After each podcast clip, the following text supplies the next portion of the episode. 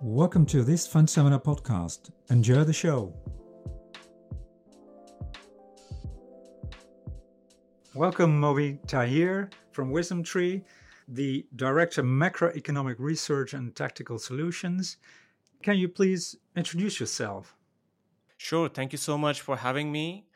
My role as a researcher at Wisdom Tree is to help investors identify and navigate stories and narratives about the changing world and how things relate to financial markets. Uh, this is a familiar role in the world of macroeconomics, which is a, a topic that I also cover. But in the world of uh, thematic investing, it is a particularly interesting function. Me and my colleagues at Wisdom Tree act almost as a bridge between investors and industry experts who have technical expertise in topics like artificial intelligence or say the biorevolution or the energy transition. So ultimately my role is to help investors understand how all the megatrends out there are relevant to them and how they can benefit from the opportunities available. Excellent.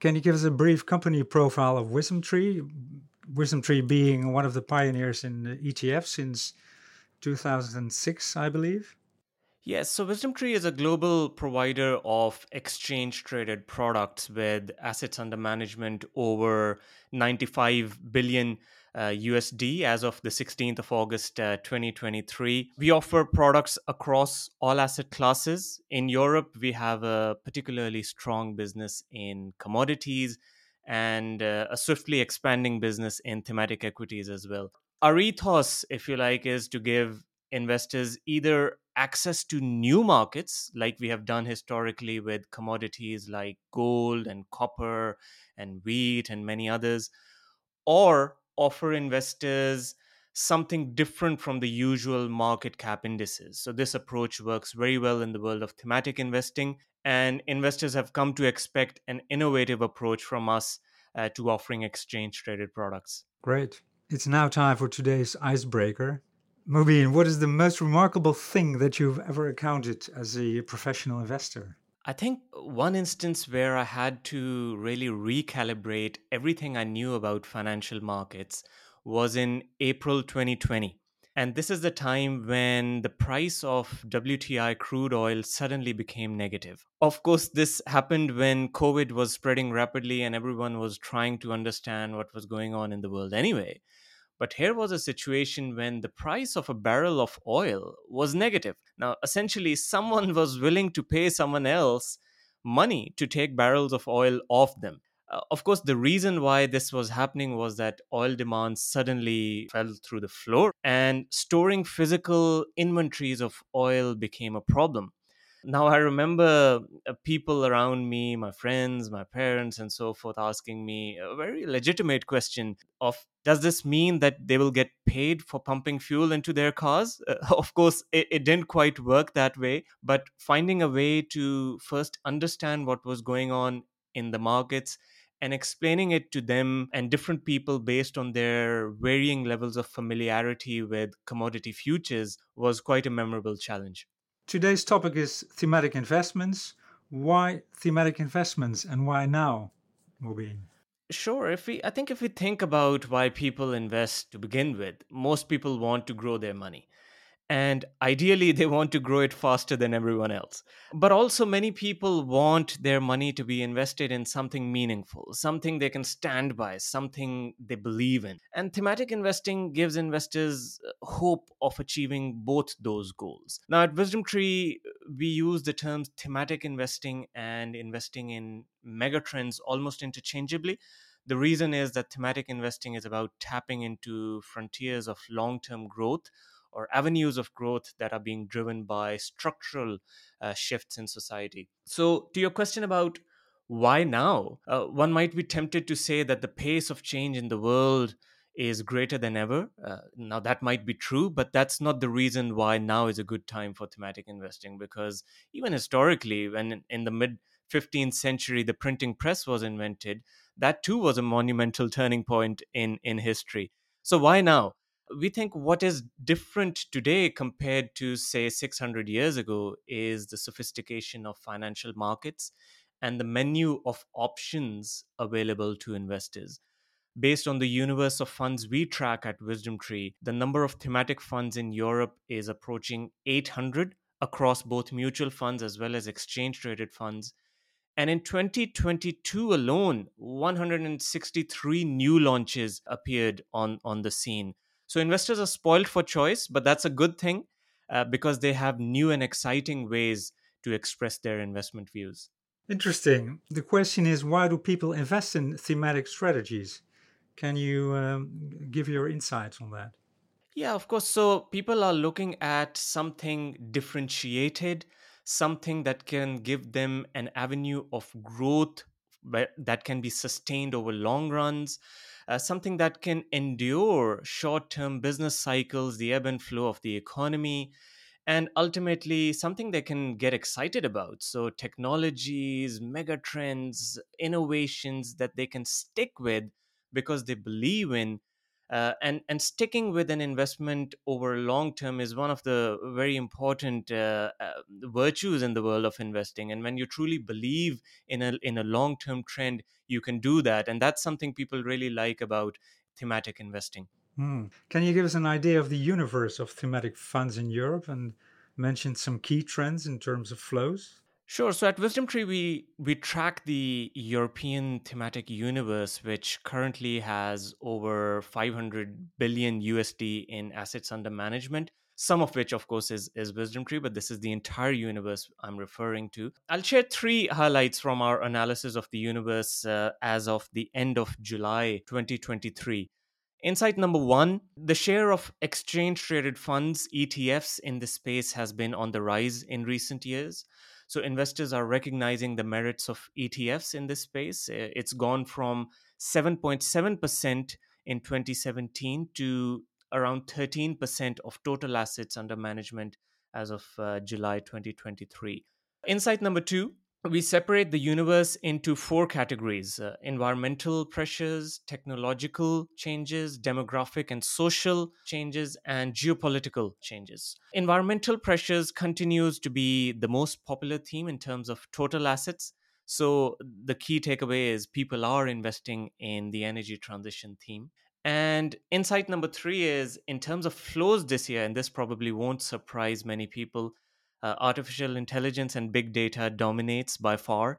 This is true both for the industry and has been our experience at Wisdom Tree as well. Which is an excellent bridge to the next question. Thank you very much. Mobeen, what does the AI revolution mean for investing and where is it headed? Sure. So the AI revolution, in our view, is only getting started, and, and very soon it will enter a new phase. The first phase was when uh, ChatGPT took the world by storm 100 million users in less than two months. AI moved from the margins into the mainstream. The next phase of this explosion of interest uh, appeared in the form of new applications being built uh, for all sorts of things, things that people really needed help with, or they didn't even know they needed. And now we are going into another phase, which is where things get really interesting. Soon we'll start to see the material benefits of AI becoming apparent. Uh, for individuals, it would mean improved productivity. For companies, it could be improved earnings. And for economies, it could help uh, stimulate growth. So that's a very exciting phase to look forward to. But from an investor's perspective, of course, investors are seeing all of this unfolding but it's understandable that AI will go through different phases of what we refer to as the hype cycle. Uh, this year, a lot of hype has gone towards companies like NVIDIA being a, a very important chip maker and some of the big software giants. Uh, we we don't think those are the only companies that will benefit from the AI revolution and therefore advocate a more diversified approach to the space to not only capture the promise of some of the exciting things some of the emerging players are doing in the space, but also to avoid the pitfalls of the hype cycle. So, a lot to look forward to and a lot of exciting things happening in this space. Yeah, there are indeed some exciting innovations. For instance, happening in the uh, energy transition space like renewables, batteries, EVs, biofuels, hydrogen, recycling, can you take us there and share with us some of the things that are going on? Sure. So, first thing, when it comes to the energy transition, we need an all of the above solution. Now, fossil fuels have embedded themselves in our way of life for decades, if not centuries. And because we don't have much time to change that, we need to deploy all solutions available to us, be it renewables, be it biofuels, be it hydrogen, be it carbon capture, recycling, battery storage, etc., etc. Second thing, it's not just about replacing one fuel source with another. The energy transition is creating, in our view, very exciting opportunities of growth. Just take cars, for example. Cars aren't just becoming electrified, they are also becoming connected. So, just like smartphones opened up a, a new world uh, for app makers in the past, uh, smart cars are doing exactly the same. And third, with thematic investing, there is also this idea of diversification by time horizon. Can uh, we power a jumbo passenger airplane today with batteries? Uh, we we can't, but we are seeing small planes being electrified. Similarly, hydrogen powered aircraft may be a bit further down the road, but sustainable jet fuel is already here. So you see this idea that some technologies may become viable in the future, but many technologies are already viable today. So the key for investors is to cast the net wide by diversifying. We do that at Wisdom Tree by listening to experts and bringing them on board when developing investment strategies. And we're seeing that investors are doing the same. They're empowering themselves with knowledge to make informed decisions. Excellent. What does the uh, macro situation look like? Think of interest rates, risk of recession, the rally in the NASDAQ 100. What does this currently look like, and how does this affect thematic investing? Sure. So, as I briefly mentioned earlier, as a starting point, thematic investing is something investors hope should endure economic cycles. Megatrends, by definition, are long term themes. But of course, that does not mean that thematic strategies aren't affected by what central banks are doing. For many investors, and this is what we've observed uh, in, in terms of our interactions with, with our clients, for many investors, the best time to go into a thematic strategy is when valuations aren't too high. There is some positive performance momentum and there is excitement around the underlying theme. And and this is precisely the case with artificial intelligence this year hence a lot of interest from investors. But at wisdom tree we we think we are approaching the end of the rate hiking cycle from central banks. And interestingly recession is yet to appear.